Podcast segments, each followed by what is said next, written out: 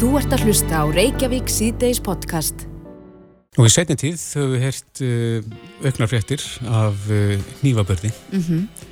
og það verist færast í vöxtað og svona lítur út fyrir það að þetta sé að verða staðalbúnaður hjá ákveðnum hópi manna. Já, það verðist verið. Við fáum fleiri fregnir af uh, nýfstunga árásum en við veltum fyrir okkur þetta er háalvöld mál. Mhm. Ný, nýfstunga getur uh, hæglega verið lífshættuleg. Já, á línunni er Tómas Guðbjörnsson, hjarta á lúna skurlagnir sem hefur nú gert að slíkum sárum. Sæl Tómas. Já, blössuð. Já, segð okkur, leitt okkur aðeins í tegnum það hvað, hvaða skaða nýfur getur valdið. Já, það er getur valdið miklum, miklum usla og, og, og skaða inn í líkamannum. Sérstaklega þessir mjóu beittur nýfar sem eru í raunni raunni smíðaðir í raunni til þess að, að til dæmis að sleppa milli reybenna, þeir stundu kallaðir mafjunýfar sem að skjóta svona út úr skaftinu Mm. og ótkvað sér í endan og svo það er náttúrulega til ímis afbreyði af svona nýfum. Það eru til veiði nýfar sem eru með svona tentu blaði og eh, val- valda líka miklum skada þegar það eh, koma inn í líkamann. Mm en, en, en, en sérstaklega á yngra fólki sem að sem er grænt, ungu grönu fólki þá er ótrúlega stutt frá yfirborðið húðarinnar og inn í mikilvæg líffæri eins og sérstaklega lungað og, og, og hjarta er heldur ekki, ekkit mjög langt undan -hmm. og svona nýfstungur geta mjög öðvöldlega skada bæði þessi líffæri eða jafnvel stóra ræðar eins og ósæðina þó að hún líki reyndar dýbra en, en hérna við vitum það því að ég hef nú gert tölvert af rannsóknum á þessu hérna meðal annars á Íslandi þessum áverkum á Íslandi, nýju áverkum og, og það er hérna, e, voru nefnar í mín rannsókntemi Unna Jóhannesdóttir og Bergrús Jóhannesdóttir sem gerðu þessa rannsókn og þá kemur í ljós á, á þessum alveglegu nýju áverkum í Íslandi að það er mjög oft sagt, uh, áverkar á brjóstólið uh, og, og síðan hveðarhólið þar á eftir og, og svo efri útlimir og háls. Mhm. og, og um, við hérna skoðum alla á 16 ára tímabili frá 2000 til 2015 og eina af svona helstu spurningunum var hvort að þessum nýfaverkum á þessu tímabili hefði fjölgað. Því að það var svona tilfinning okkar að það væri. En í þeirri rannsók kom í ljós að, að það var ekki svona neinn margtæk aukning og kannski þessi upplifun okkar var kannski ekki síður á þeim tíma meiri umfjöllun í fjölmiðlum og svona þetta kannski fengi meiri umfjöllun eh, fjölmiðla og almennings á, á Facebook. En, en, en, en nú- núna, við myndumst einmitt á það að við fáum sífælt fleiri fregnir núna, þannig að það er ekki búið að rannsaka það neitt, en, en hvernig er svona þín tilfinning? Já, ég er ekki frá því að, að það sé en, en tek aftur fram að það vantar rannsóknir. Það er mjög brínt að bæta við þessa rannsókn okkar og skoða þessi síðustu ár. Lauruglan heldur þessu fram og ég e- ef ekki að, að hún hafi einhver sitt til sín máls en það er samt mjög mikilvægt að, skoða þetta svona vísindarlega og í þessari rannsókn okkar þá hérna var skoða áverka skor hjá öllum þessum uh, sjúklingum með einstaklingum sem áttir hlut og, og sé til dæmis hverjir þurft á innlagna halda og svo framvegs og það er staðrind að tveir þriði af þessum sem að fá svona alvarlega nývaverka þeir þurfa að fara í einhvers konar aðgerð. Mhm. ofta er þetta spurningum að setja dren eða setja svona eins og kera inn í brjóstöld sem hýfa lungað upp sem hefur þá fengið, það hefur þá komið gata lungað. En í sumum öðrum tilökum þarf að gera stærri aðgerði jafnvel á hjarta eða ósæð og, og, og laga, laga skemmti sem eru þá náttúrulega mjög hættilegir áverkar þannig að þetta eru bara þetta eru gríðarlega flókin eh, flókin vandamál svona læknisvæla og, og það þarf að bregðast hratt við. Það er stórt teimi sem að kemur að þessu það sem allir þurfa að vinna svona uh, í, í, í svona mikilvægri keðju.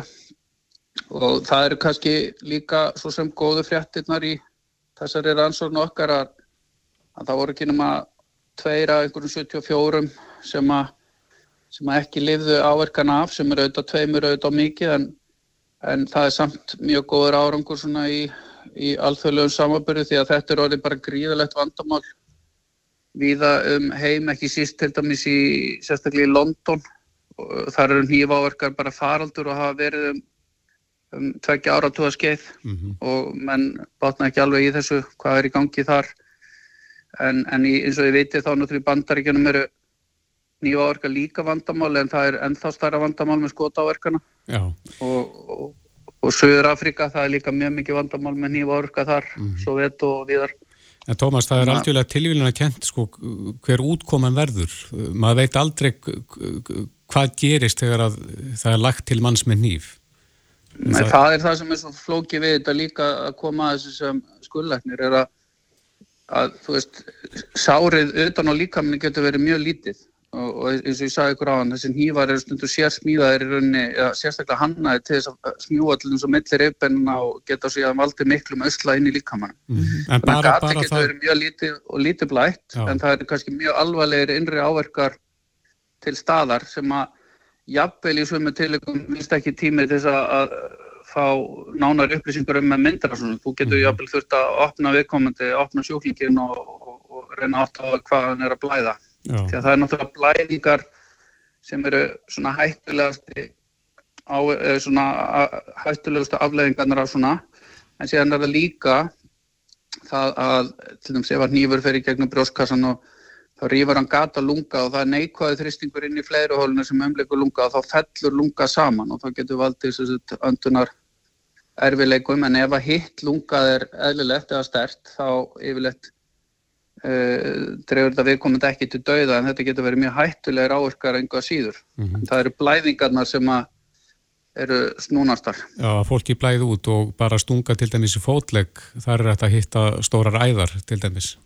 Algjörlega, en það sem er auðveldara kannski við fótleggin er að það er að, að þetta svona beita svona stasa, þú veist það, þú getur þá sett uh, hertað æðinni og, og stöðablæðinguna tiltölulega og þær eru yfirleitt tiltölulega auðsjáanlegar. Það sem er miklu flóknara er bæði inn í kviðnum og inn í brjóstólinu til dæmis ef að hafa komið áverkar djúft inn í lunga eða í hjarta eða einhverja þessum stóra æðum sem þar eru Mhm. að þú veist, um ósaðin að fara allir 5-6 lítra blóð á mínútu þannig að það þarf ekki stórt gat eða rifu til þess að einstaklingi blæði út bara á nokkru mínútum þannig að þetta skiptir gríðalegu máli að, að, að þegar svona sjúklingar koma inn á bráðamáttökuna að vinna þetta hratt Mhm. og Já, þú þetta getur verið mjög lúmst þú myndist á hann að hafa hraðar hendur og þessi stórt teimi í kringum hvern sjúkling.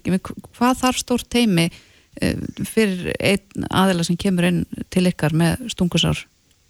Já, það er, það er við, við erum ekki að ta tala um tíu, það er oft miklu fleiri ef við tel, teljum svæðingalækna og gjörgjörnslækna með og, og bráðalækna og svo skullækna og svona þetta er alveg, það er erfitt að setja nákvæma tölu á þetta en, en þetta er auðvitað því sjáu því hendi ykkar hvað þetta er flókið það koma svona margir einstaklingar inn samtímis þá verður þetta ekki mikið flóknara Mhm. en þannig að en, eins og ég sagði áðan það sem er svo lúmst við þetta að að það kannski sérst ekki mjög mikið utan á viðkomandi uh, og geti jafnvel blætt til til að lítið en það er eitthvað mikið að gerast inn í, inn í sjúklinum og, og hérna og það, það, það er það sem að svona, uh, maður verður að vera fljótur að, að svona hugsa og, og, og taka næstu skref Mhm. og stundum eru er tími til að gera myndaransórnir eins og tölvusnefmynd eða eitthvað slíkt en, en í öðrum tilvikum ef að sjúklingurinn er til dæmis í losti og svona þá getur maður næst til þess að, að, að, opna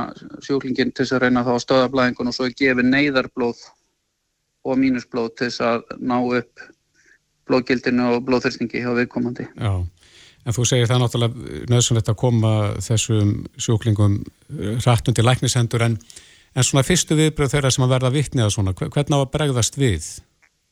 Jú, það er nú sagt þetta í þessu tilviki sem að þið voru að vísa til áðan ekki sagt að það hefur verið hjúkunarnemi sem hafi bröðust við og, og, og svona búið um sárin svona eins og hún gatt og, og hérna það er auðvitað bara mjög mikilvægt Eh, það er ekki síðan mikilvægt að að mun eftir því að ringja neðabilin strax og, og fá hjálp þannig að sjúklinu sem komið eins hratt og mögulegt er undir læknisendur Hvernig stöðaðum blæðinga til dæmis bara búk?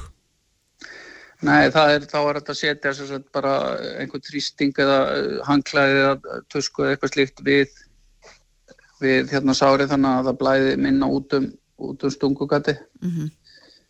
En, en eins og ég segi þessa, þessir áverkar þó að þeir séu hugsanlega í aukningu hér á Íslandi þá eru þeir samt fátíðir sem betur fer mig að það sem að maður var vanur ellendis, bæði það sem ég vann í Svíþjóð og, og sérstaklega í bandaríkjunum og ég vona bara að við séum ekki að leið þanga.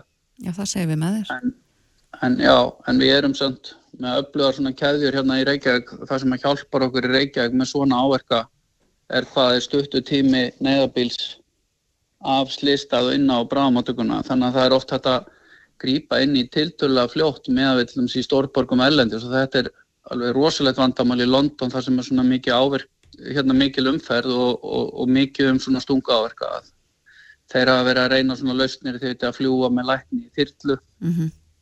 og gera það af svæð og jafnvel framkama aðgerðir á staðnum sko, í staðin fyrir að flytja viðkomandi inn á sjúkrós og, og hérna þannig að það, þetta bara svona sýnir hvað þetta er orðið svona mikið, mikið vandamál í stórborgum við það og, og við erum ekki alveg komið þonga sem betur fer en, en, hérna, en það er enga síðan mikilvægt fyrir okkur að, að þekkja hvernig við hefum að, að bregðast við. Já, maður getur ímyndað að þetta sé mínútu spúrsmál að tíminn skipti ansi miklu máli. Al, algjörlega og, og með þessa á, áverka marga sérstaklega ef, þeir, ef þetta eru stungur á, á brjóstóli eða á hverhól og, og mm. hérna en uh, það má ekki vann með þetta þá jábel þó að nýstblæði sé sér til til að mjótt og það getur valdið miklu musla inn í inn í líkamannum Einmitt það. Uh, Tómas Guðbjartsson, Hjarta og Lúna Skurlagnir, takk kærlega fyrir spjalli Já, bless, bless Bless Þú ert að hlusta á Reykjavík C-Days podcast. Jæja, hún er komin til okkar og sest hjá okkur, Svandís Svagastóttir, matalar á þeirra. Velkomin. Takk fyrir. Barðist í gegnum umferðina, hún er þung í Reykjavík. Já, hún er bara orðin bísna þung og sérstaklega þessum stóru hérna, svona burðar ásum í borginni og, og hérna maður finnur fyrir því að þetta er ekki eins og hvaða mánundagur sem er einhvern veginn, sko. Mm -hmm. Sennilega er fólk byrjað að jóla sig í gang eitthvað aðeins. Jú, desember nálgast. En þetta kemur aðeins inn á umhverjusmálinn Þú ert nýkomin að COP27? Já, ég var í Egiptalandi í síðustu viku og kom heim núna bara um helgina og maður er, sko, þegar ferðalagið er svona langt, sko, 20 tímar þá er maður svolítið rugglaður með það hvaða dag maður leggur á stað og svo lendur maður okkur um alltaf um degi mm -hmm. uh, en það var, við þurftum að millilenda sko á tveimur stöðum á leðinni en, en þetta var mjög áhugavert og, og ég raunar er í þeirri stöðu að ég fór á kopp sko 2009 í Kaupmannahöfn mm -hmm. þannig að það er mjög margt sem hefur gerst síðan á, á þessum tíma uh, á þessum 13 árum en, en uh, breytir því ekki að það er alltaf verið að reyna að stilla saman strengi allra þjóða heims og niðurstaðan er alltaf þannig að hún er í samstöðu mm -hmm. það er ekki hægt að greiða atkvæða móti niðurstöðinni þannig að það þarf svakalega mikla vinnu og stundum finnst manni uh, og, og svona frekar óþólumóðu fólki eins og mér finnst kannski uh, textin svolítið útvatnaður og, og það þarf að tala svolítið mikið svona þóku kent til þess að allir geti skrifað undir. Mm -hmm. en það voru samt einn stór tíðindi núna sem að var þessi sjóður sem að hefur í sumum miðlu verið kallaður hamfarasjóður uh, var kentur við töp og tjón eða loss and damage. Mm -hmm sem að þýðir, sko snýst þá í raun og veru um það að þessi lönd sem að eru mjög oft mjög fátæk, fátakarþjóðir sem er að verða fyrir sko stórum áföllum, svona skindilegum áföllum eins og í Pakistan, eins og í Níkari og á fleiri stöðum þar sem að kannski fleiri eh, þúsundir eða töyir þúsund að jæfnvel missa heimilisitti við nótt uh, út af skriðum, út af flóðum, út af öðrum þáttum sem að má rekja beint til uh, lossarsbreytinga og þessar þjóðir hafa mjög lengi sko svona bankað á dittnar má segja hjá innríkjónum eða ríkari uh, samfélagum heimsins. Og sagt uh, sko um, þið berið ábyrð á losuninni. Mm -hmm. þarna eru peningarnir, þarna eru ríku þjóðunar og við þurfum að, að geta sótt í sjóði til þess að bæta okkar samfélagum þessi áföll sem að Hvað við... Hvað greiði við í þennan sjóð? Sko það er ótvært. Það er í raun og veru sko algjörlega ótvært hvað, hvert ríki borgar, hvort þetta eru bara ríkin eða hvort að engaðilar koma að þessu með einhverju móti, hvernig er síðan sótt um fjármagnið, mm -hmm. hvernig er metið, hvers konar tjón þarf að hafa átt sér stað og svo framvegs. Allar útværslu eru eftir. Mm -hmm. En allar þjóðirna sem að sitja ára á stöfnunni fara í raun og veru heim með það að taka þátt í því sem er niðurstaðan. En, en þessum sjóð hefur vissulega verið fagnat þó eftir að útfara nákvæmlega hvernig hann muni virka. en, en svo er einhver sem segja að þetta hafi verið talsar vonbriði niðurst að þessa fundar um, maður velti fyrir sér sko skilardengur þannig eru mættir, mm -hmm. ég veit ekki hvað margir frá Íslandi mm -hmm. 50-60 manns, eitthvað mm -hmm. svo leiðis er, er, er einhver tilgangur ef að niðurstaðan veldur svona mörgum svona miklu vonbriðum? Já, kannski fyrst aðeins um vonbriðin sko, þá líka þau kannski fyrst og fremst í því að við erum enþá svolítið bara verja árangurinn frá því í Glasgow þegar við sögðum sko einu hálf gráða væri hámarkið. Uh, við hefðum vilja sjá uh, mörg hver að við værum að tala um það að fasa út jarðefnaðelsniti á tiltöknum tíma og að, að orðalagi væri svolítið meira afgerandi heldur en þarna var. Þannig að það voru vonbreiði sjálfur sér en ég vil segja það þetta er 2007. skipti sem þjóður heims hittast og tala um loslagsmál mm -hmm. það hafa ekki alla ráðstöfnum verið gasalega velhæfnaðar en við erum þó með uh, sameilega skilning á því um hvað máli snýst Uh, við höfum tekið fjölmarkar ákvarðanir, við höfum tekið ákvarðanir eins og í Paris, uh, við höfum byggt upp mjög sterkan rannsóknagrunn sem að snýst um að vakta áhrif lossalsbreytinga og vakta í raun og veru lossalsbreytingarna líka sem slíkar, áhrif á freðkvolvið, áhrif á, á jökla og, og, og skautin, norðurskaut og suðurskaut og svo framvis. Þannig að e, ég held að ég myndi bara orða það þannig, þessar ráðstefnur eru nöðsynlegar en það eru enga veginn nóg. Við myndum aldrei segja bara, heyrðu, við ætlum bara að hugsa um allt mjög annað og svo ætlum við bara að hugsa um lofslagsmál þannig nokkra daga meðan við erum eitthvað stöður í útlöndum að tala við annað fólk. En það er nöðsynlegt að þessi vettangur sé til við, en síðan þurfum við hvert um sig að fara heim og brettu bergmáttnar og sinna málafloknum almenna. Mm -hmm tengt þessu að því við þurfum að skautu við margt áður, áður við hættum en, mm -hmm. en e, það er verið bent að það að, það að fylla upp í skurði bændur, heyra nú undir hérna þitt ráðindi Emitt það er bent að það sé brínast að gera það til þess að, að við náum okkar markmiðum, mm -hmm. að fylla skurði og endurhemta mýrar. Já, sko þetta er náttúrulega sko, flókið og fjölþætt kerfi sko, við erum annars vegar að tala um það sem að lítur að losuninni sjálfri, uh, bara losun gróðs og loftegunda í gegnum eldsneiti, jarðefna eldsneiti og svo framvegs og nöðsinn á orkuskiptum en svo erum við að tala um þættir sem að lúta og þú ert að nefna meðal annars sem að er snýst um landnótkunna mm -hmm. þau mál eru að njóta vaksandi uh, aðtigli en líka losum frá landbúnaði sem að er líka áhyggju og umhugsunarefni metanlosum frá landbúnaði losun vegna Uh, ábyrðanótkunar vegna þess að við erum líka ekki að nota nógu mikið það sem að kalla þeir úrgangur mm -hmm. frá landbúnaði og annari matalafræðinslu uh, og beina aftur inn í lífræna ströyma með því að vera með sko, byggja upp uh, lífræna landbúnað eða lífræna, uh, lífræna ábyrð og svo framvegs þannig að allir þessir þættir eru þeir sem við þurfum að horfa til. Uh, einhver sagði svo réttilega að loslagsmálin eru fjölþægt vandamál þannig að við þeim er ekki eitt svar. Mm. það er mikilvægt að segja ekki bara heyrðu við förum í orkusskipti skellum okkur í það og þá getum við bara haldið áfram að gera allt eins og við erum mm. heldur eru þetta mjög margir þættir og meðal annars er matasón, við getum bara að horta á það eitt þriði af mat sem við kaupum Íslandingar er matur sem fyrir rusli mm. þannig að bara það eitt og sér myndi hafa bara mjög mikil áhrif. E, Erum við sérst ekkert búin að bæta okkur í matasón og það hefur nú verið mikið í umræðinni síðustu ára, manni tilfinningin er að við séum að verða aðeins skári Jú, ég held það. Ég held að við séum aðeins skári og, og ég held að, og maður finnir líka fyrir því bara verslunin er að taka þátt í þessu með því að Uh, setja fram varning sem að er að renna út og svo framvegis eða er nýrunin út það er að segja best fyrir uh, og svo framvegis sem að, sem að hérna, getur náttúrulega bara verið mjög tegjanlegt hugtak. Uh, oft er bara gott að, að hérna, treysta nefinu sko, og bræðlukonum.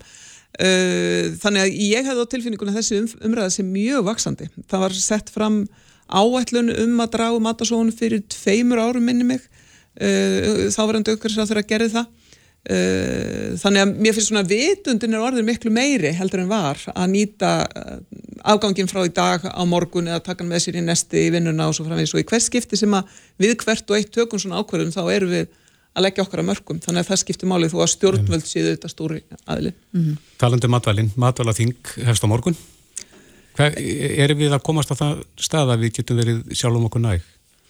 Það er náttúrulega tölvist í það. Uh, við erum... Er við að stefna því? Uh, ekki endilega, sko. Fyrst og fremst erum við að stefna því að draga úr uh, kólefnisspori matvælaframleyslu, það skiptir mjög miklu máli, uh, auka framlegslu hér innanlands uh, en fyrst og fremst er það sem ég er að leggja áherslar á, á matvælaþingi sem er fyrsta sinna tegundar á Íslandi og við erum að leggja þannig grunna matvælastefnu, er að matvæli matvælaframleysla á Íslandi snýst ekki bara um búuru samninga á kvotakerfi það snýst ekki bara um þetta.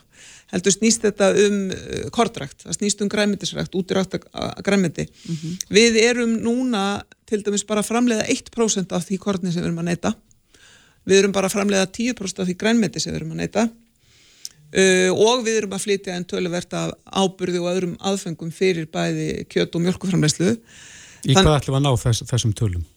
Við ætlum að hækka þær, við erum með þetta allt saman núna í farvegi mm -hmm. og, og þetta er það sem við erum að gera þegar við segjum horfum núna á matvælaframleysluna í heilt eins og þjóðunar í kringum okkar er að gera og þess vegna er að koma til okkar tveir uh, útlendingar, annars vegar uh, Olga Trófimtseva sem er úkrænsk stjórnmálakona og er stjórnandi og doktor í landbúnaðavístum og er fyrverandi landbúnaðar á þeirra Úkrænu uh, og gríðarlega öflug, hún hefur mikla reynsla stjórnum landbúnar uh, mála heima hjá sér og líka á alþjóðlegum vettvangi. Og við vitum að stríði í Úgrænu hefur gjörbreytt heimsmyndinni varðandi mat. Mm -hmm. við erum alltaf í rauninu farin að tala um aðfangakeðjur og fæðu öryggi eins og við uh, höfum aldrei gert áður.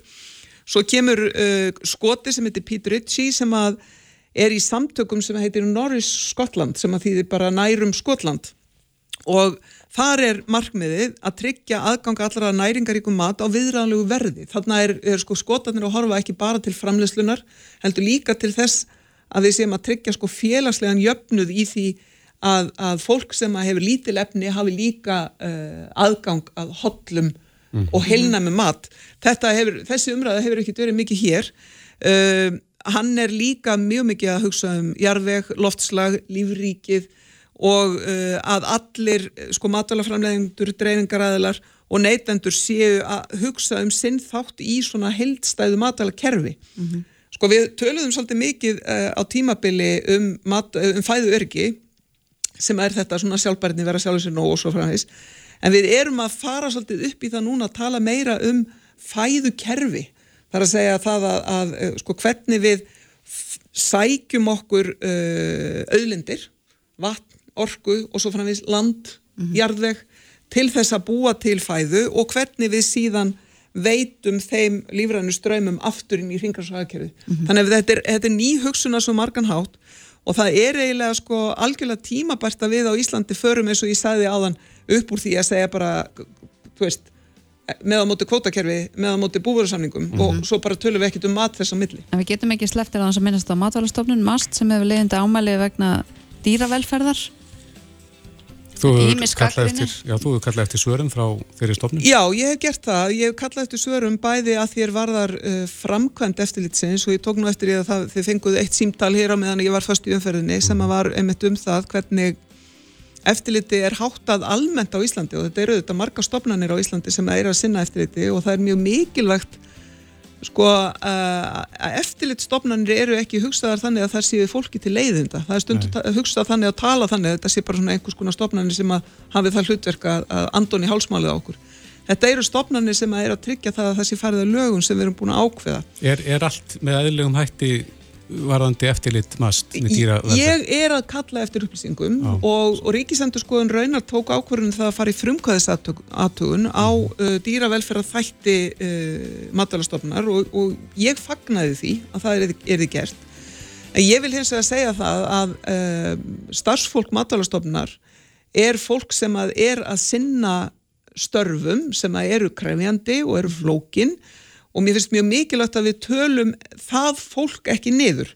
Eh, en við þurfum að fara í sögman á þessu við þurfum að finna út úr þessu og eins og við nefndum hér áður en við fórum í loftið að þá er sem betur fyrr að aukast mjög mikið áhersla fólks á dýravelferðamál mm. við viljum að það sé komið fram við dýr af virðingu vegna þess að þau eiga skilið virðingunum mm. en, en, og það, en, og það er í gruninum á, á dýravelferðalögjöfinni Mér lag bara östut, hvernig maður búist við að fá þessu þau eru með fresti 2009. nóber. Verðum að setja punktin hér. Svandi Sváðarstóttir, kæra þakki fyrir komuna. Takk. Þetta er Reykjavík C-Days podcast. Jón Gunnarsson, dómsmálar á þeirra var hér í bítinu í morgun og lísti þar yfir uh, stríði gegn eða bóðaði stríð gegn stípulegri glæpastasinni. Já, og það var nú ímser uh, sett út af þessi orð dómsmálaráðara þar á meðal Þorbrug Sigriður Gunnarsdóttir þinkona viðrestnar og hún er á línunni. Góðan og blessaðan daginn. Góðan daginn. Já, hvað er það svona helst sem þið finnst aðtöðavert við þessa, þessa boð, þetta bóða stríð? Sko ég var nú bara með hugan við það að e, ég var nýst ín út af fundi í fjárlæðanemnd þegar ég sá þessar fréttir og þar voru við með til umfjöldunar stöðuna í fangilsum landsins um, og hún er mjög alvarleg einfallega vegna þess að fangilsin hafa sætt niðurskurakröfu samfleitt frá árinu 2008 mm -hmm. og allan þann tíma og öll þau ár sem að Jón hefur verið domsmálar á það hefur þetta líka verið reyndin. Þannig að það var nú kannski bara svona fyrsta aðtöðasend. Mér fannst hólur hljómur í því að vera að tala um eitthvað stríðsvextur þegar maður upplýði þennan eh, þegar maður upplýði fjárhagstöðu fangilsina með þeim hætti að, að hérna, ég ætlum ekki að segja stjórnfólksi í stríði við fangilsina þau eru minnstakosti eh, að haga eh, fjármögnum til fangilsina með þeim hætti að eh, Það eru 317 manns sem býða á bygglistum eftir því að hefja afplánin.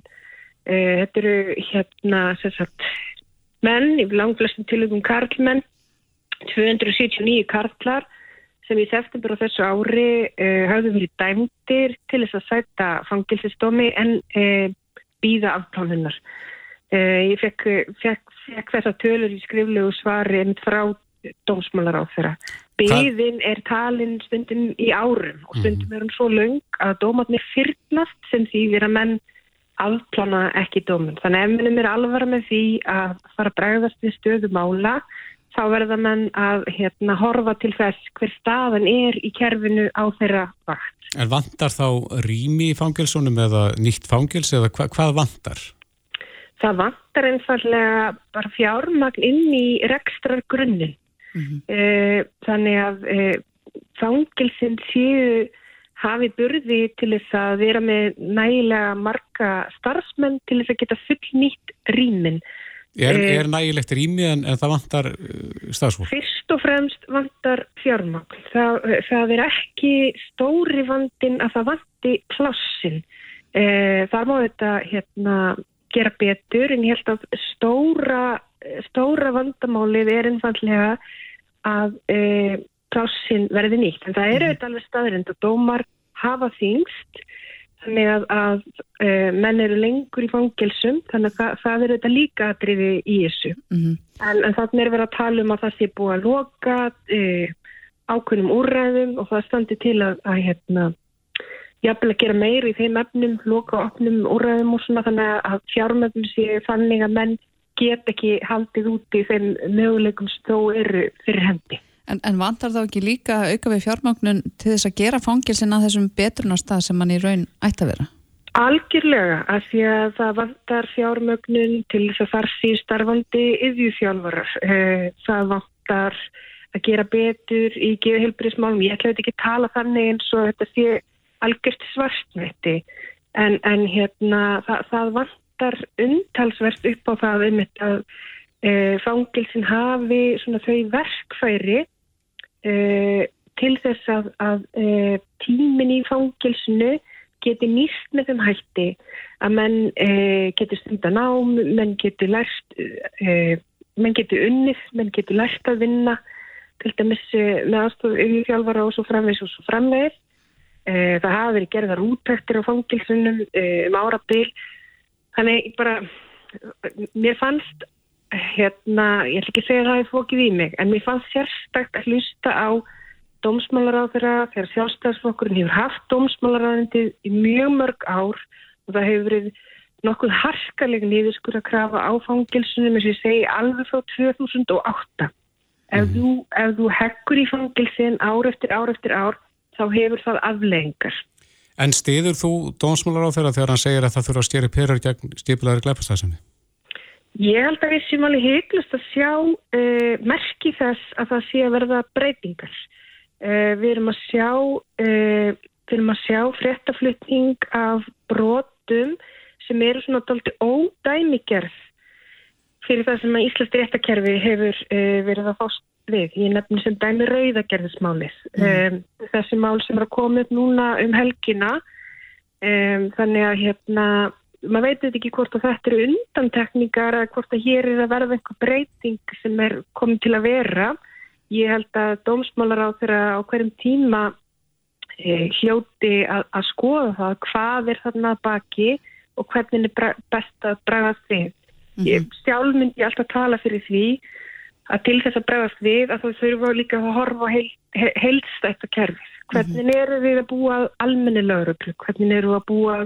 Eh, en er Jón ekki að tala um það að, að, að tryggja lauruglunni verkværi og, og hérna heimildir til þess að geta ráðuðu verkið? Jú, hann er að tala fyrir því og ég er ekki, ekki mótfallin, því að ef það er þörf á því að auka heimildir að, að það geti gerst. Ég verði að veikina, ég hef ekki séð útværslunar, ég veit ekki nákvæmlega fyrir hverjum er að tala, en menna ef það, er, ef það eru eh, hérna, málumnælegar ástæðar fyrir því að það megi gera betur þar, þá finnst mér alveg öðlilegt að það sé skoðað. Uh, ef við erum að auka heimildir lauruglu þá fyrir við líka alltaf um leið að auka eftirlit með störfum lauruglu. Ja, hann talaði um það í morgun að það væri gert ráð fyrir því. Já, og það væri gert ráð fyrir því, en hann getur ekki bara sett nýlaga ákvæði, hann getur ekki bara sagt uh, lögurlega þegar að fara að gera og hitt og þetta sem hún ekki gerir í dag. Uh, hann þarf auðvitað að útskýra hvað, hvað það er og hvað það er sem hún finnst upp á vanda, mm -hmm. en í tölvört langan tíma þá hefur almenn löggefla líka verið illa fjármögnuð. Þannig að hérna, það þarf að skoða löggeflina, það þarf að skoða ákjæravaldi, það þarf að skoða domstóluna og það er verið að teikna til að dökka mynd af stöðu í fangilsismálum og dómsmálaráður verður að hafa burði í það að skoða alla þessa þætti mm -hmm. ef hún ætlar að fara í það uh, að bregðast við uh, stöðinu eins og er, er að teiknast upp núna og ekki síst bara þessi almenna löggesla. En ef við viljum raunverulega byrja á byrjuninu eða, eða byrja á réttum enda innan gæsalappa Mhm. -huh. Tengist þetta þá líka ekki inn í önnur ráðunetti út af því að það er kannski engin laust þegar að ungmenni til dæmis bróta af sér að, að setja það í fangilsi?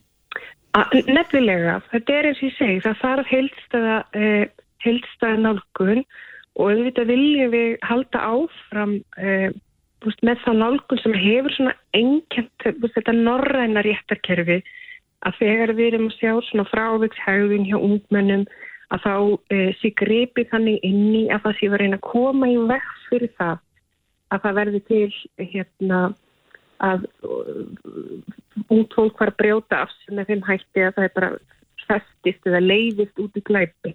Þú veist, þar eru við að horfa á e, félagsmálakerfi, mm. þar eru við að horfa á heilbríðskerfi, þar eru við að horfa á skólakerfi, þar eru við að horfa á stuðningu fjölskyldur.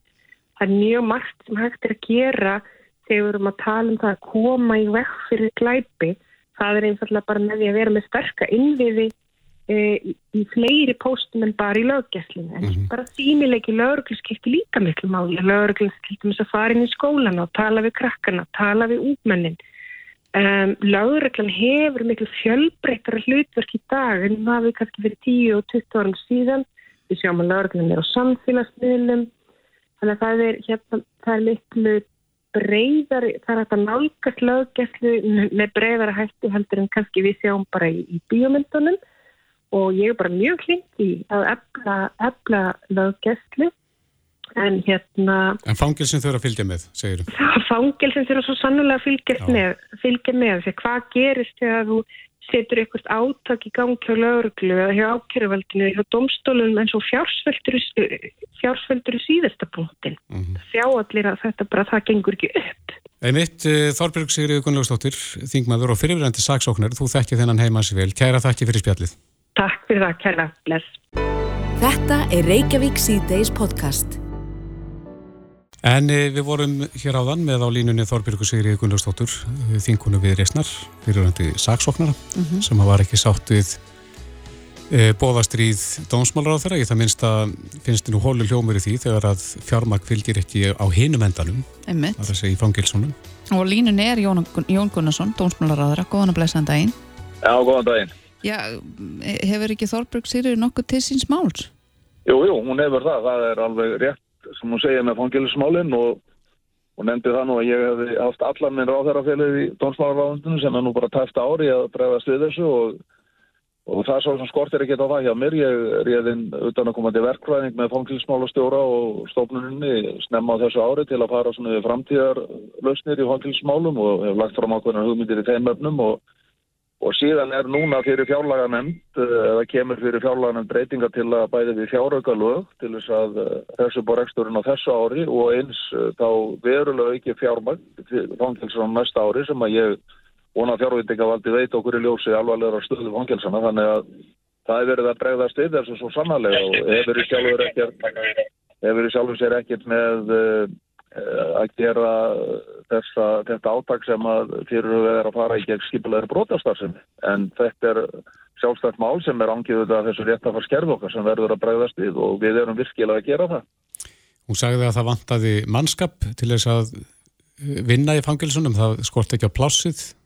Já, það er endar ekki alveg rétt, það skortir líka á pláss og við erum að huga um þetta framtíðalösnum í því að fjölga úrræðum eh, í fangilsunum og ekki síst í opnu fangilsunum Eh, það er svona framtíðasýnin en það ber líka að hafa í huga að á þessu ári að þá höfum við séð alveg óbúslega mikla aukningu í eh, gæsluvarfaldsúrskurðum til að mynda að hafa verið núna upp í 40 manns í gæsluvarfaldi og ég veit hreinlega ekki hvað þeir eru, eh, hvað þeir eru mörg í dag en í ljósið þessara mála bara sem komið upp um helgina þá þetta, skefur það auga leið -hmm. að, að, að það eigur enn á uh, fjöldani sem er í gæsluvarvaldi.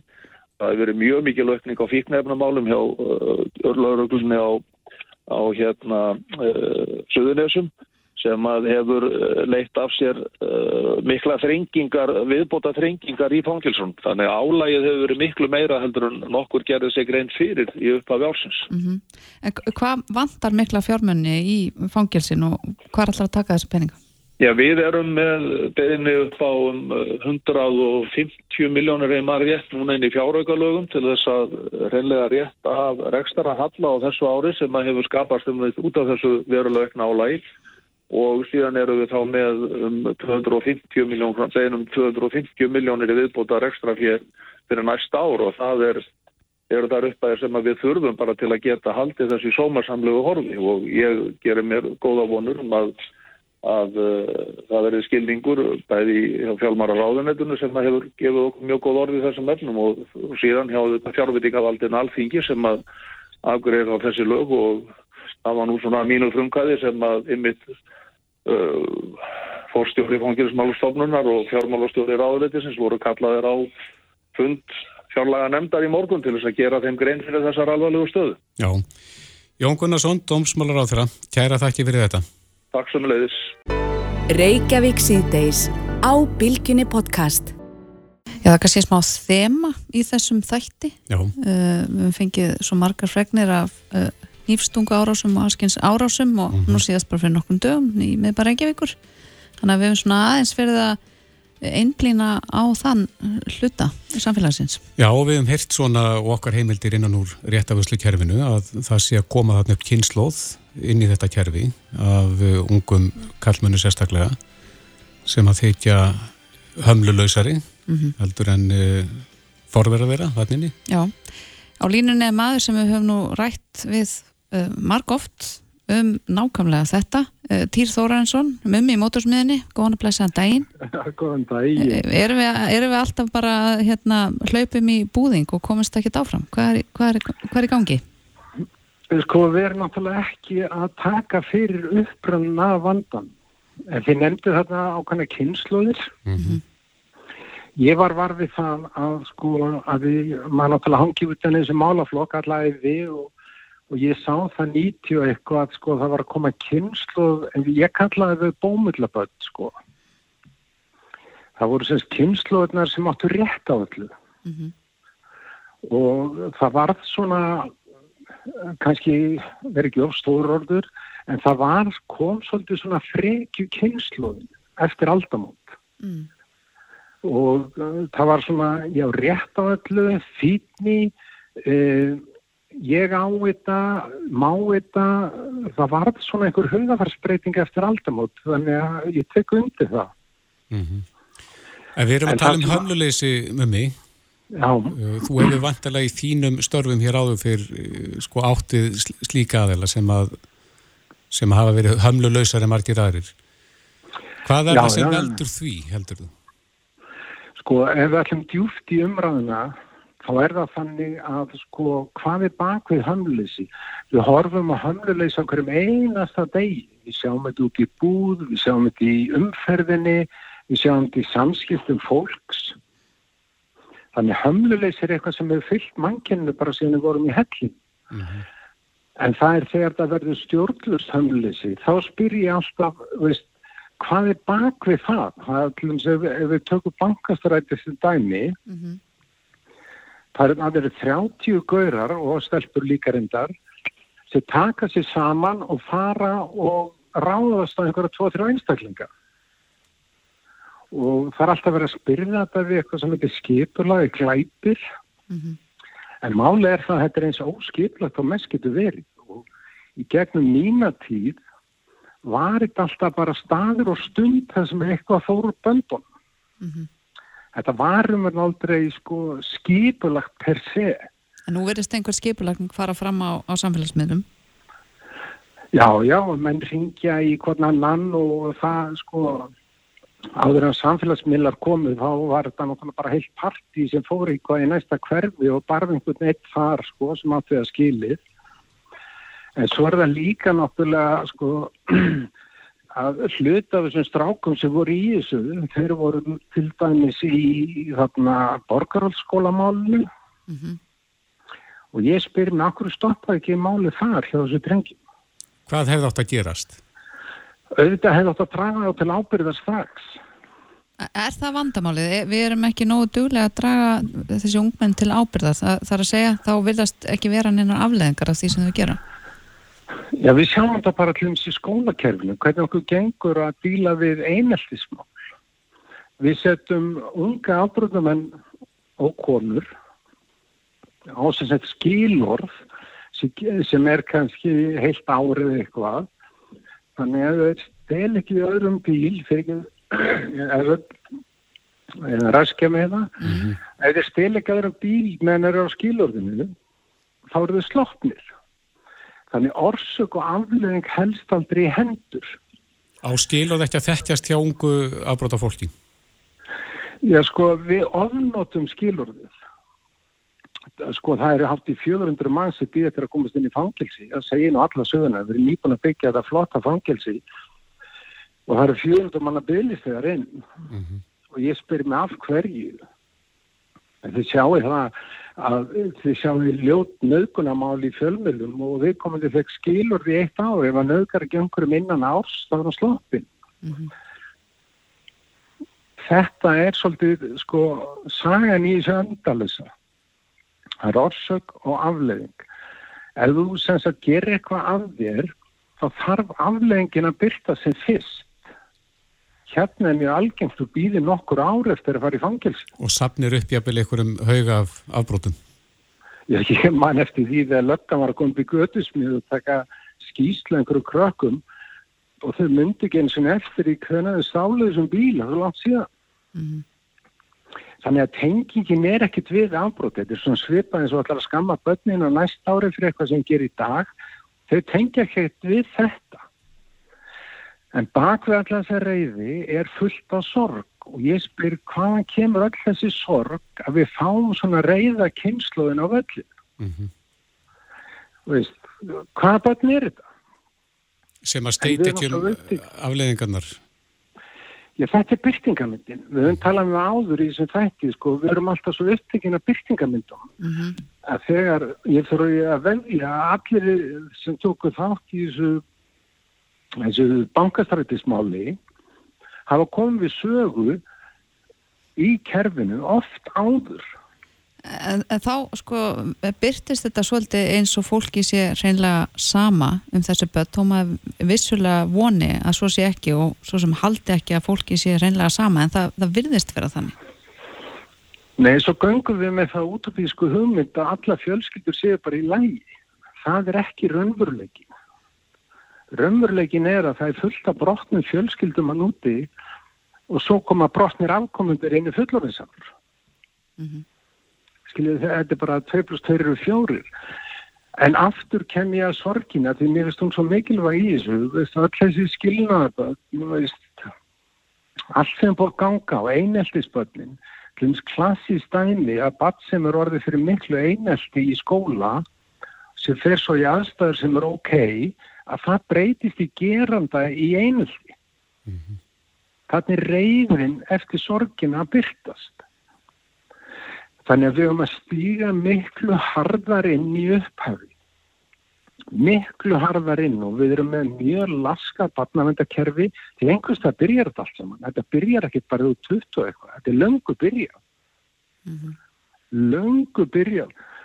Og barnavendakerfi er bara þegið að við komum í röfin átinn ára. Þannig að þið þurfum ekki að spá í þetta meira. Já. Ef við styrkum undir með mig, þú vilt taka miklu fyrr og harðar á hlutunum og refsingin verður að fylgja afbrótunu hratt. Já, hraðari yngripp strax. Mm -hmm. Því að ef, það er alltaf verið að horfa í kostnaðin í þessu. Mm -hmm. Bara ef einn í þessum 30 manna hópi fer ógæfulegðina allt fyrir líf þá er þá því rengstur og heitli deilt bara í mörg ár, bara þessi eini aðili sem að kostar Íslands samfélag. Svo er alltaf ráða peninga sem afsökun að geta ekki gert neitt. Mm -hmm. Og annað í þessu sem að ég er mjög ósáttu við, og búin að tala um í 40 ár, það er af hverju beita dómar ekki þessu ákvæði að dæma út fólk í meðferð. Hafa þeir þá heimild?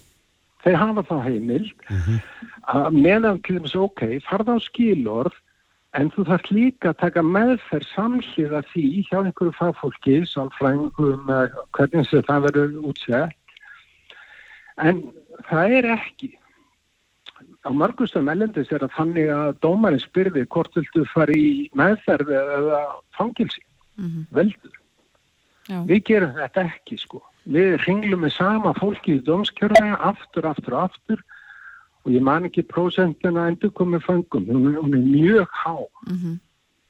og þetta kostar skriljónur ári. Og, og peningar sem að, við erum alltaf að tala um vegum ekki en samt erum við að auðsa peningum inn í málaflokk. Já, það er margi bent á það. Það er spartnaður að grýpa snemmenni Já, þetta byrjar allt einhver staðar. Og mm -hmm. það er það sem að skólakerfi og barnavend og allt þetta á að stíga inn í strax með aðgerðum, ég er ekki að tala með að snúa niður fólk, alls ekki. Þetta beitur við mjúkum aðferðum til að byrja með, en þá byrja það Einmitt. Við setjum punkti hér í, í dag við, við kannski vonandi heyrum ekki í þeirri bráð, ef ekki að krossa fingur? Krossa fingur og bara jú, enn eitt, ég verða að fá að segja það. Mm -hmm. að dómsmálar á þeirra með þessu yfirlýsingar í dag, hann er alveg að skjóta sig í fótinn big time. Af hverju? Þú, þú segir ekki ofinberlega að segja sko, stríð á hendur þess að á þetta fólk. Hvað aflengar getur það haft á þínum hætti? Beinar aflengar er því, veist, sko fælingamáttu fangelsa er engin, höfðu það fyrst bak við allar ansóknum sína það að það er engin fælingamáttur í fangelsu fyrir þennan hóp, ekki til. Og komið stríðsífilisingu inn í þennan hóp þýðir það bara að þessi hópur hann bara výbúist líka bara móti. Þannig harkan þeir smíða bara meiri harku í þessu. Mm -hmm. tökum þetta öðruvísi. Já. Mönni... Nú er þetta líka komið í gæsluvarðhald. Hvernig ætlum við að vinna með þeim út úr gæsluvarðhald þegar fara bara beint út á götu og gera þetta allt aftur. Já, það þarf að reikna dæmi til enda. Nákvæmlega. Týr Þóranesson eða Mummi í mótarsmiðinni Kæra þakki fyrir þetta. Takk sem við veist. Hlustaðu hvena sem er á Reykjavík C-Days podcast. Þá vantar klukkuna 11 mínutur í 6 og við ætlum að beina sjónum okkar að þeim sem hafa minnst á milli handana. Þetta er erfið tími fyrir marga, desember nálgast. Já. Og þá vilja nú margir, flestir, gera sér glæðan dag og ég vil geta gefið sér nánustu mm -hmm. eitthvað fallegt í, í pakka. Já, og sömur finna fyrir miklum kvíða vegna þess að fólk getur ekki til dæmi sint börnunum sínum mm -hmm. sem stildi e, yfir jólaháttiðina. Nefnitt. Hún er sestetni hjá okkur Guðni Helena Guðmundsdóttir, hún er félagsraðgjafi hjá hjálparstarfi kirkjunar. Velkomin. Takk fyrir. Um, Hvernig upplifið þið þennan tíma núna í ár með að þið kannski fyrir ár? Sko ég er til dæla nýbyrjuð uh, hjá hjálparstórunu en þetta er bara alltaf tími það sem er rosalega mikið að gera og hérna eins og komst þið náðan þá eru rosalega margi sem að koma sem að hérna hvíðir fyrir jólunum og hvíðir jafnvel fyrir því að koma til okkar mm -hmm. Þannig að fólk er kannski búið að vila fyrir sér að sækja þessa hjálp en svo kannski eru bara öll sund lókuð eða hvað Já, mm -hmm. það er alveg mörg dæmið það Og hvers konar hjálp veitir þið? Uh, við erum aðalega að aðstofa með bónuskort og hérna í einhverju tilvillum jólagjafir og hérna svo getur við að læða svona einu einn skógjöf með mm -hmm. frá jólusinnum hvenar, hvenar byrjar trafíkinn til ykkar? Sko það búið að opna á netinu okkur, það var mhm. opna núna á förstu daginn og svo opnum við hjá okkur sérst, það sem getur komið á sótum hjá okkur það er fyrsta, annan og fymta desember á melli 10 og 3 og svo lóku við umsóknum á netinu hérna 16. desember Hvernig er aðsóknir núna, það sem komið er? Um, ég síðast þegar ég sá hér, þá held ég að vera komið um millir 30 og 50 umsóknir. Ve veistu hvernig það er samaborið við fyrir til dæmis? Nei, Nei. Ég, er ekki, ég er ekki með þá tölu. En vitið hvernig hópurinn er samsettur? Hvaða fólk er að helsum að leita til ykkar? Uh, það, það er bara rosa mikið blanda af, af innlendum og, og, hérna, og þá sem eru, eru af erlendum uppruna. Mm -hmm. Og er þessi hópur þá sem leita til ykkar, er hann þá jafnveg líka að leita sér hjálpar á fleiri stöðum? leita til annar samtaka eða þið kannski hafið einhverja Nei, við þannig getum ekki vita það sko, en við erum í samstarfi við hérna maðursinsnefndinar og við erum líka með eins og á hérna í Reykjanesbæ og Akureyri mm -hmm. þá erum við hérna við í ásand fleirum að aðstóða Berið þið saman bækur þá? Hvort það sé sami hópunum sem er að koma á milli þessar aðeila? Nei, til dæmis eins og þeir sem er kannski er að sækjum að söðunesunum mm -hmm. uh, ég tek alla þær umsöndin sjálf sem að berast okkur á netunni eða fólk kýmutalakar og ég set það bara neitt skjál og, og hérna þannig að það sé semst, þannig að fólk er bara með einu umsóknirinni mm -hmm. En hvað er það svona sem að fólk, fólk hvíðir mest fyrir? Hvaða kostnaðaliður er það sem að er að valda mest um hvíða? Uh, þá fyrir jólinn mm -hmm. Ég held að það sé bara almennt jólinn Já og, og hérna náttúrulega eins og í dag það verður allt hækkað þá skiptir ekki máli hvað það er, hvort það sé matur eða, eða að gefa börnunum jólugjafir mm -hmm. En hefur styrkurinn ykkar þá hækkað með? Já Hver, uh, Hver er styrkurinn í dag? Uh, ég get ekki alveg sagt að sérstu kronulega séð, en við, mm. við munum hækkaða um 10-15% fyrir jólinn mm -hmm. Þannig að þetta innegð þá hjá bónus? Já, í formi bónuskorta -hmm. Nú verður oft talað um það hérna í þessum þættu og, og öðrum þáttum að það er svona ákveðin hópur sem að festist í einhvers svona fátækra gildur. Um, er það þannig að sama fólk leitar til ykkar ár eftir ár og kann, kemst ekki eða fær ekki stuðning til þess að hýfa sig upp úr þessum aðstæðum? Já, já, og ég, veist þau skortur sjálfur sér ekki úr ræðin heldur það er bara, það er allt hækkar og, og eins og þeir sem eru kannski að fá hérna fjárhásástu frá sveitafili eða frá tryggingustofnun það er ekkert að hækka í samræmi við launin mm -hmm. eða við allt annað sem hækkar í þjóflæðinu Þannig að fólki kannski ef ég orða ekkert sérstaklega pent haldi niður að einhver leiti Já, já, það held ég. Mm -hmm. það, það er ekki glæslegt Nei, akkurat, en þeir eru búin að opna fyrir umsóknir segirum Já. Og uh, síðasti séns er? Uh, Við lókum fyrir umsóknir á netinu 16. desember og, og hérna svo þegar fólk er búið að sækja um þá fyrir við yfir umsókninar mm -hmm. og svo fá allir SMS sem að fá aðstæði okkur Og, og hvar sækja maður um? Uh, það eru help.is og það er, það er hægt að fara bara inn í umsóknir eða myndahurð sem mm -hmm. hægt er að fara í þá og það er með okkar Er eitthvað sem þú vilt segja við þá sem eru kannski hlusta sem hafa ekki þórað að stiga þetta skref en, en þurfa þess? Bara endilega sækið um Já Guðni Helena Guðmundsdóttir, félagsáðgjafi hjá Hjálpastarfi kirkjunar. Kjæra þakki fyrir komina. Takk fyrir. Reykjavík síðdeis á bylginni. En hér sittur kona hjá okkur. Hún rafnildur Reynsdóttir. Má ekki kalla þið reytvönd? Þetta er náttúrulega rosalega stórt orð, en jú, jú, það er alltaf, ég er orðin það. Já, Já. ekki bara reytvöndur, heldur bóka útgefandi líka. Já, mér lása á að, að fá bækurna mínar bara á prenti og fá að sjá þær og, og gefa þær út þannig að ég fór út í þetta sjálf en það hafði ég ekkert að gera, ég var hægt að vinna Já, Segð okkar aðeins söguna, þú, þú hættir að vinna og ákveður að, að fara að skrifa bækur. Já, ég hætti að vinna, ég var að vinna hjá félagleikildri endurskónda, skrifstóni mm -hmm. þar, búin að vinna, vera þar í mörg ár. Og ég hætti að vinna í vor í mæ og ég fór út á golvöld og var þar eins og ég gatt. En svo sagði ég fram á það að ég gæti ekki verið í golvi allan daginn, alla daga, Einnig. alltaf. Þannig að þá fór ég að spáði það hvað ég gæti gert sem að hérna já, geti gefið mér eitthvað og, og kannski öðrum mm. og uh, svo var það einn daginn að ég var með eina í hópnum mínum, ég á sex barnaböld sko no. og hún eittir sig og ég gef henni plástur og kissa báttið og segja svo við henni þetta græra og hún giftir þig mm -hmm. og hún starði á mig alveg stórum auðum en amma, ég er ekkert að fara að gifta mig og hún var ekkert búin að spá í þetta og ég fór að hugsa hvað segir maður oft svona við krakka mm -hmm. eitthvað sem að maður er alin upp við eða eitthvað sem amma mann segir efni sagt um að það var lítill mm -hmm. Svo ég fór að hugsa hvort að þetta gæti gerðið alltaf skemmtilegt efni í barnabækur. Og þá fór ég bara þá fór boltin að rulla og ég bara byrjað að skrifa og ég er enda búin að skrifa sex bækur, þetta er hann svona lítill bókaflokkur.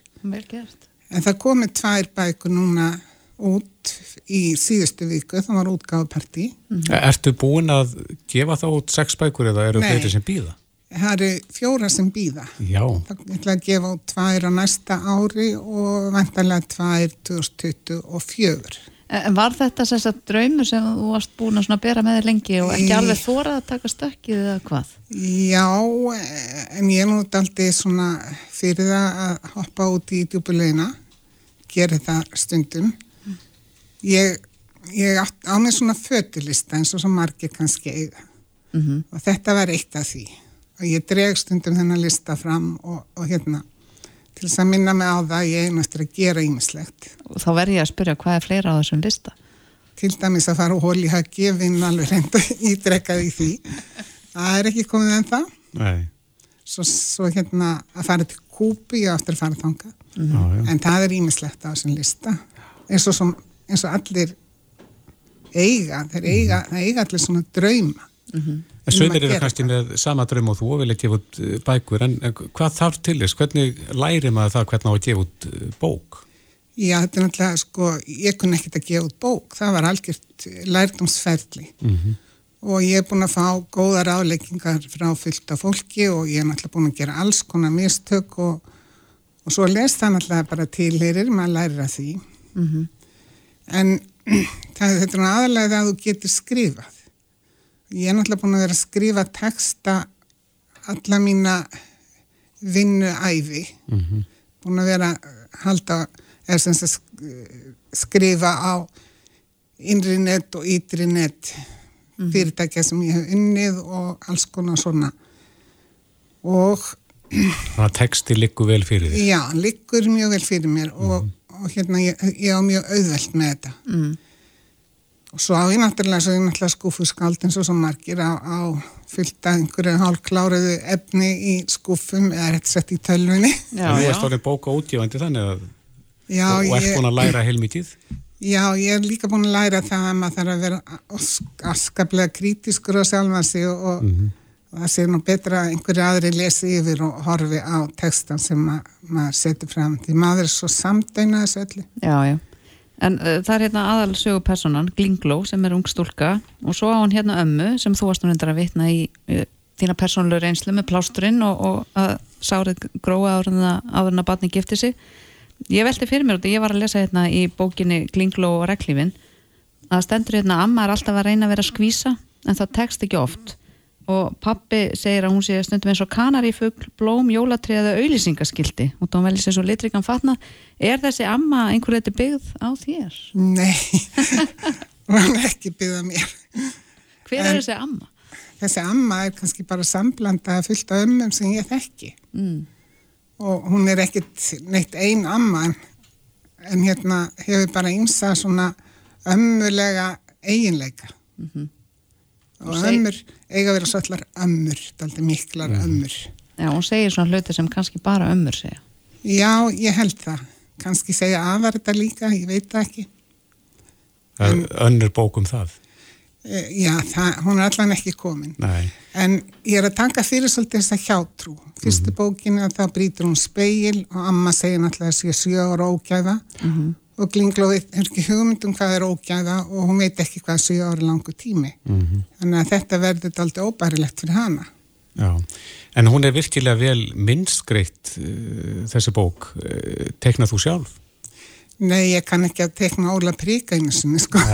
Þannig að ég hef aldrei bóðið upp á það. En eh, ég fengi mikla hjálp frá síni mínum, Birgir Hafni, hann er eh, mikil tölvugúru og mm -hmm. hérna. Og hann benti mér á VF sem að það sem að koma, eða réttar að sagt, eh, fólk sem er myndlistamenn eða grafískir hönniðir, mm -hmm. þeir bjóða fram eh, krafta sína þessar síðu og við fundum þessa stúlku sem heitir Diandra Hvan hún kemur frá einu jöfu en hún býr í Hongkong Já. Og hún tók að sér að teikna þessa myndir mér langaði líka að vera með myndir eftir einhvern sem var ekki að mynd skreita aðra hverja barnabók mm -hmm. á mhm. Íslandi mm -hmm. Þú hefur hitt vel á þessa, þetta eru guttfallega myndir Já, ég er mjög ána með það Og, og hvar getur mann algast þessar bækur þínar um, um manna Glingló? Já, það er til vefur sem heitir glingló.is og það er hægt að kaupa beint á vefnum mm -hmm. og svo fastar í pennani Eymundsson og líka hjá forlæni og það eru alveg að reyfast ágætlega. Já, er ekki komin hljóðbók líka? Jú, og svo er hægt að leifa börnunum að hlusta á þetta bæða á Storytel, Spotify og YouTube. Þú tekur þetta með trökki? já, maður gerir eitthvað, þá gerir maður það á ekki verið þannig. Jú, mér veist það, ég er bara mjög ána með þetta til hamingi með þetta. Já, það er fyrir. Safnildur Reynsdóttir, riðtöfundur og bókaútgefandi. Takk kærlega fyrir spjallið, gangið vel. Já, takk fyrir að bjóða mér. Reykjavík síðdeis á Bilginni podcast.